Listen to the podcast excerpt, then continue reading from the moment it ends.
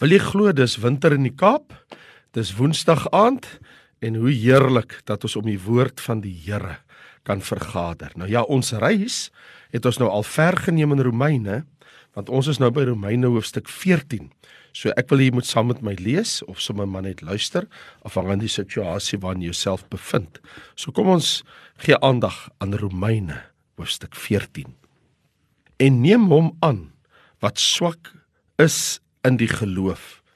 Nie om oor sy gevoelens te oordeel nie.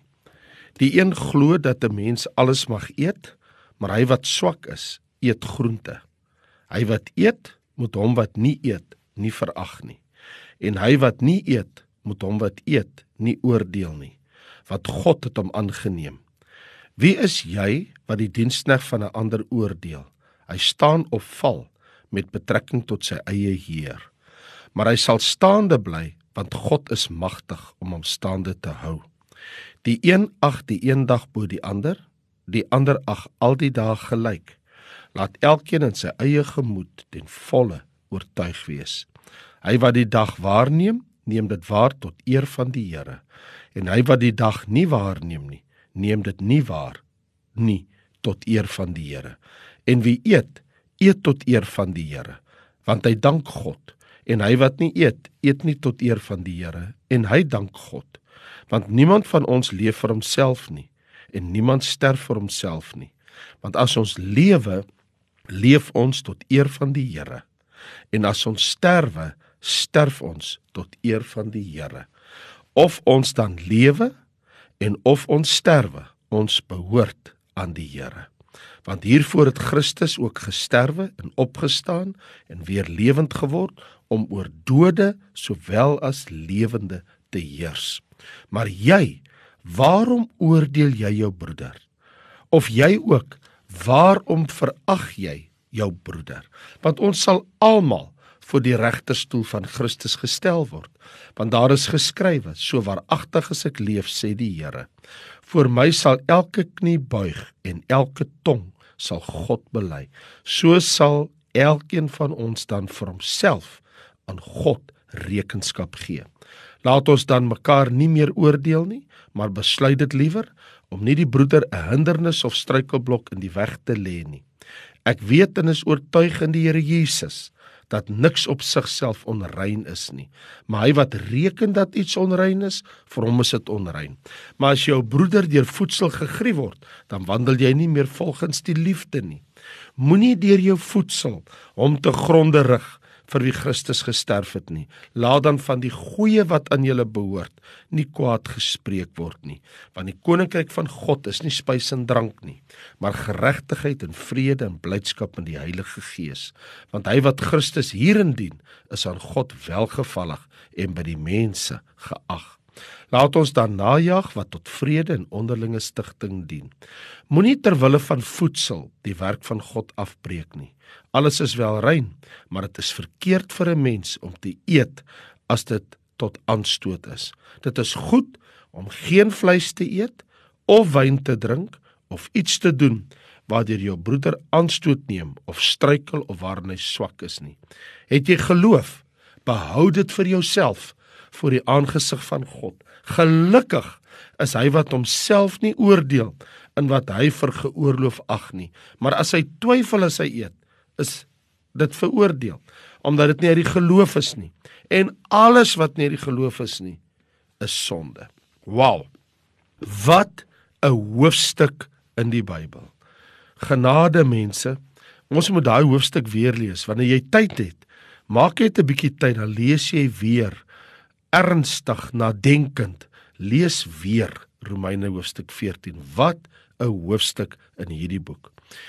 Jy sien, um, kan ek iets sê oor hierdie hoofstuk? Ek sou nogal sê wanneer gelowiges in Christene wat in Christus is, Christene van mekaar verskil. Jy sien ons reis bring ons hier by 'n baie besondere plek. En dit is hoe moet ek optree wanneer ek verskil met 'n ander Christen? As ons van mekaar verskil, hoe behoort ek op te tree. Laat ek ter inleiding sê, verdeeldheid. Dis nou die gebrek aan eenheid. was nog altyd die een groot probleem onder God se mense. Selfs in die Ou Testament. Dink maar aan die stryd tussen Jakob en Esau. Die familietwis tussen Ismael en Isak. Die burgeroorlog tussen die 10 stamme van die noordelike koninkryk en die suidelike stamme in die suidelike koninkryk Benjamin Juda. In die Nuwe Testament vind ons dit in bykans elke gemeente dat daar 'n gebrek aan eenheid is. Ek bedoel Korintiërs hoofstuk 3 lees ons van verdeeldheid oor menslike leiers in die kerk. In Galasiërs hoofstuk 5 byt en eet gelowiges mekaar op oor hulle verskille. In Efese en in Kolossense lees ons ook. Ek bedoel Efese word herinner deur Paulus hoe belangrik in Efesiërs 4 is Christelike eenheid. Filippense was op die punt om te skeer want twee vroue het van mekaar verskil in die gemeente en hulle die gemeente tot op die rand van 'n tweespalt gedryf. Geen wonder dat die Psalme skryf in Psalm 133. Kyk hoe goed en hoe lieflik is dit wanneer broers kan saamwoon. Dis soos die kosbare olie wat afloop van die hoof van 'n arend op sy baard en op die soem van sy kleed. So lieflik is dit wanneer broers kan saamwoon. Maar die probleem is by hierdie Romeinse gemeente aan wie Paulus hierdie brief rig in Rome. Hulle het ook verskille. En weet jy hoekom? Daar's Jode wat tot bekering gekom het en as heidene wat in dieselfde gemeente aanbid. Nou die Jode wat gered was, wat nou deel van die gemeente geword het. Hulle kom uit 'n baie streng wettiese agtergrond. En dit is vir hulle bitter moeilik om al hulle tradisies en wette agter te laat hierdie Joodse gelowiges die heidene weer hulle wat gered is hulle het nie voorskrifte gehad soos die Jode nie hulle het nie hierdie voedsel en higieniese uh, voorskrifte gehad en dae en jare wat hulle moet onderhou nie. So hierdie twee uiterste pole was nou teenwoordig in een en dieselfde gemeente. Nou nou kan jy dink die verskille wat daar sou wees want jy sien indien elke Christen vir homself of haarself hulle eie oortuigings gehou het sou daar weinig probleme gewees het maar wanneer hulle begin om mekaar te kritiseer en mekaar te oordeel die een die ander dis waar die twee spalt kom want jy sien sekere aktiwiteite weet ons is verkeerd Want die Bybel sê dit is verkeerd. Jy moet nie vir my te vra as dit reg is ek steel nie. Ek gaan vir jou sê die Bybel sê jy steel nie. En dan is daar ander areas wat ek weet is nie verkeerd nie. Want die Bybel sê vir my dit is nie verkeerd nie. Want die Bybel beveel my aan om dit te doen. Maar wanneer ons grys areas bereik, ander woorde dinge wat ek kan doen wat nie duidelike riglyne in die Bybel gegee word Daar word nie 100% gesê reg of verkeerd. Dat dis 'n grys area. Wat nou? En dis waarmee baie kinders van Here soms worstel. En Paulus, Romeine 14, gee hy duidelik leiding. En hy hoe doen hy dit? Hy lê sekere beginsels neer. Anderswoorde, ek en jy kan dit nou toets. So, in Romeine 14 kan ek en jy nou twee duidelike beginsels waarneem wat my sal help om reg op te tree. En nou hier is die saak. Wanneer gelowiges in Christus van mekaar verskil, want dis my tema van my gedagte met jou vandag, nê? Nee, ek praat met jou oor wanneer gelowiges in Christus, aan die woorde, dis almal kinders van die Here, met mekaar verskil. Wat staan my te doen? Ander woorde, hoe behoort ek dan op te tree? Wat moet ek doen? Nou, wat dit betref, kan ek die eerste sê. Hierdie twee beginsels wat Paulus aanstip. Die eerste ene is hy sê hierson in hoofstuk 14 vers 1 tot 12. Gelowiges, neem mekaar aan. Luister mooi sy woorde, sy heel eerste woorde. Neem hom aan wat swak is in die geloof, nie om oor sy gevoelens te oordeel nie. Kan jy dit hoor? So wat Paulus sê is, moenie dink jy's beter nie. Hy sê gelowiges neem mekaar aan. Hulle ontvang mekaar. En nou gee hy vier redes oor hoekom ons mekaar moet aanneem. Hy sê in vers 3: God het ons aangeneem nommer 1 Hy sê omdat God vir daai persoon aangeneem het en die Here my aangeneem het om sy kind te wees, moet ons mekaar aanneem. Verstaan jy? Die Here het daai persoon aangeneem en die Here het jou aangeneem. En nou sê God, dis my kind daai. Nou God het in sy koninkryk sterk en swak gelowiges wat hy aangeneem het en ons behoort dieselfde te doen. Ander woorde 1 God het die persoon aangeneem, daarom moet ek hom aanneem. 2 God hou sy eie staande, soos in vers 4 staan. Wie is jy wat 'n ander oordeel? Hy staan of val met betrekking tot sy Heer. In ander woorde, God is die meester, die Christen is die dienskneg. Ons sukses in die Christelike lewe is nie afhanklik van die opinies of gesindheid van ander Christene nie, want die woordjie dienskneg suggereer mos nou al klaar dat die Christen is besig met dienswerk vir die Here. Het jy geweet hoe meer jy besig is met God se werk, hoe minder tyd het jy om ander Christene te kritiseer? Het jy geweet hoe meer jy werk en jou werk doen in die koninkryk, hoe minder tyd het jy om te kyk wat doen ander Christene? Jy sien Christene wat hulle besig hou om siele te win vir die koninkryk van God het meer belangriker dinge om te doen as om te kyk wat ander Christene doen en dan hulle lewens te ondersoek en dit nog af te breek en te kritiseer. En dan het hy 'n derde ding gesê oor waarom hierdie eerste beginsel so belangrik is. Hoekom ons mekaar moet aanneem. Hy sê Jesus Christus is die Here in vers 8. In ander woorde, wie gee my die reg om God of Here te speel oor 'n ander gelowige se lewe? Hy het sy eie Here die Here God in die hemel en Jesus is sy Here. Ja, ek en jy kan bid, ons kan adviseer, ons kan selfs vermaan, maar ons is nie in die plek van God nie. En die vierde rede hoekom hy sê dat gelowiges moet mekaar aanneem, is baie belangrik. Jesus Christus is die regter. Onthou vers 10. Wie is jy wat 'n ander oordeel of verag want ons sal almal voor die regterstoel van Christus gestel word. Hoekom sal jy jou broeder oordeel? Ek bedoel, jou broeder, hy moet voor Christus gaan staan. Hy gaan voor die regterstoel staan. Jou suster, sy gaan voor die regterstoel staan. En nou vra hy. Hy sê vir die swakker Christen, "Hoekom oor jy jou broeder?" Hy sê vir die sterker Christen, "Hoekom verag jy jou broeder?" So vir die swakker Christen sê hy, "Wie's jy wat jou sterk broeder veroordeel?" En vir die sterk Christen sê hy, "Wie's jy wat jou swak broeder verag?" Beide sterk en swak Christene gaan voor die regterstoel staan. Weet jy, ek het eendag gehoor dat 'n wyse Christen, hy het gesê, "Ek het in die lewe geleer dat God seën mense met wie ek verskil. Wow. Het jy agtergekom? Jy het al baie keer iemand gesien, dink jy, wat? Wie is hierdie mens? En dan leer jy later en jy sien, maar die Here seën daai persoon met wie jy verskil. En ek sê, Sela. Maar jy sien, behalwe die eerste beginsel wat Paulus stel in hoofstuk 14, gelowiges moet mekaar aanneem. Die tweede beginsel is stig die een die ander. Soos hy in vers 13 sê. Hy sê, laat ons nie mekaar oordeel nie, maar besluit dit liewer om nie hindernis in die weg te lê nie, maar kom ons bemoedig eerder mekaar. So terwyl die eerste beginsel sê neem mekaar aan, sê die tweede ene, julle behoort mekaar te stig en op te bou. Nou, hierdie beginsel is gefestig in die aspek van broederliefde.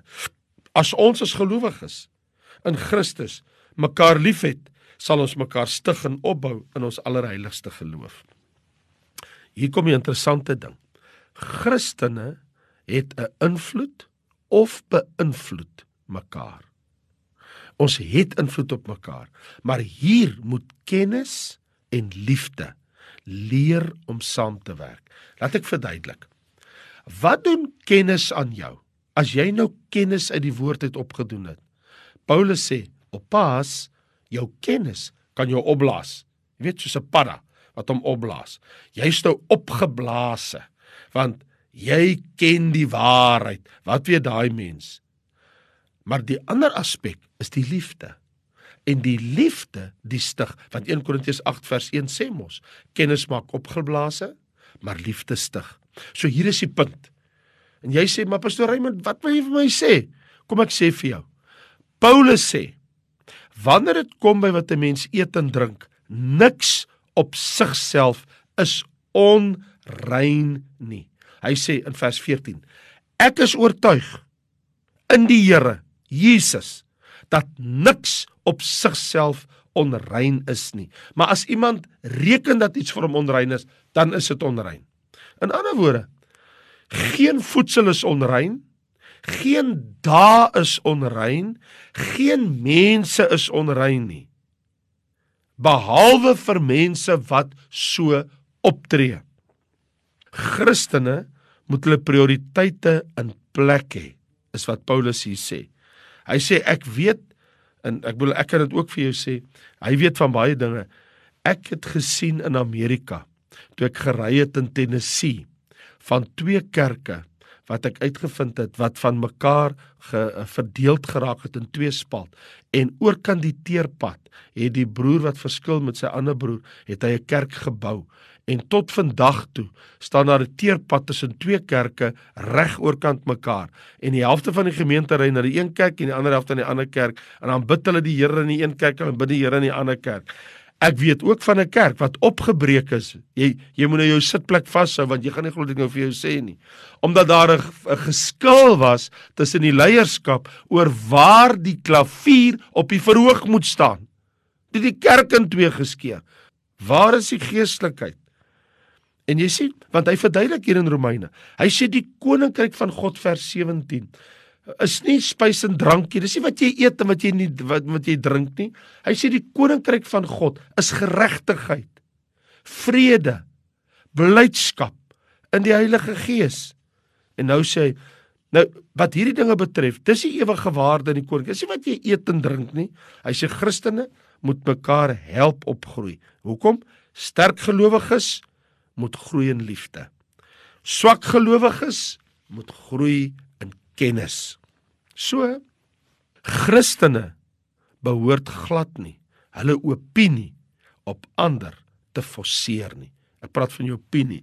Ek sê nie wat in die woord staan nie, jou opinie. As jy 'n opregte oortuiging van God het oor 'n sekere saak, fine. Hou dit vir jouself. Moenie almal forceer om soos jy dit te aanvaar nie. Dis wat Paulus hier sê. Hy sê geen Christen kan 'n ander Christen se oortuiging of gewete leen nie. Jy moet jou eie gewete hê. Jy kan mos nie my gewete by my kom leen hoe ek oor dinge voel nie. Jy het mos jou eie gewete. Dus ons gewete word versterk deur kennis, maar kennis moet gebalanseer word deur die liefde. So op die vraag en hier wie maak dit nou interessant vir jou? As ek nou vir jou vra, wat leer ons uit Romeine 14? Dan gaan ek dit nou saamvat met die volgende paar opsommings. Nommer 1.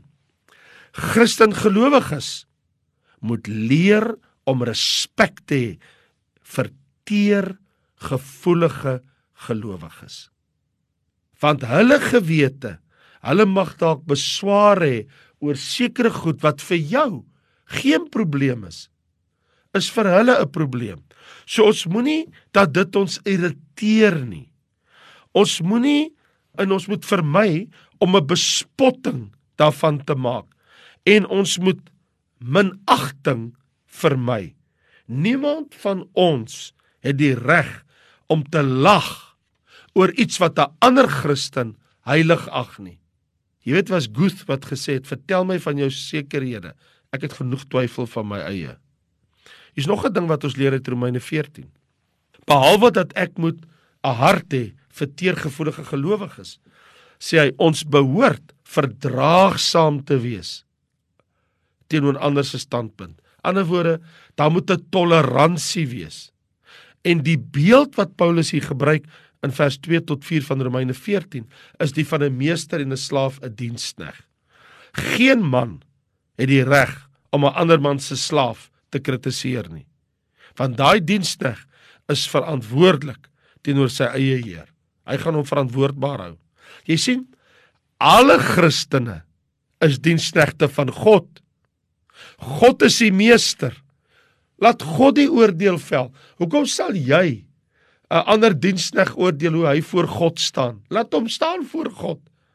Jy sien, wat is die groot doelwit? Die doelwit is die dienskneg wil God behaag. En behaag jy God en die Here sal jou seën eendag. Jy sien, wat Paulus beklemtoon is, watter roete 'n mens kies om te volg, laat hy ten volle oortuig wees in sy hart en laat sy eie oortuigings hom lei. Jy sien, hier's die punt. Geen mens behoort sy eie oortuigings, sy universele standaarde vir alle Christene op aarde te maak doen soos hy dit doen nie. Ons sal goed doen as ek en jy gedagte hou my verantwoordelikheid om ander mense oor alles te oortuig nie. Elkeen in sy eie gewete en in sy eie oortuiging en ek moet ander toelaat om hulle eie oortuigings te hê. Hier's nog 'n punt wat Romeine my leer. Die onmoontlikheid van Christene om in isolasie te leef, 'n kluisenaars bestaan. Geen Christen behoort homself of haarself totaal te, te distansieer van medegelowiges nie. Wel, ek praat nou nie van COVID-19 nie. Ek bedoel met COVID-19 kan ons nie kerke bymekaar kom nie, maar ek bedoel dis nie wat Paulus se gedagte gehad het toe hy gesê het jy moet jou distansieer van ander gelowiges nie. Hy bedoel dat die gemeenskap van die gelowiges baie belangrik en dat ons dit behoort te doen. Maar hier hier is 'n baie belangrike ding. 'n Mens kan nie jouself isoleer van jou verlede nie.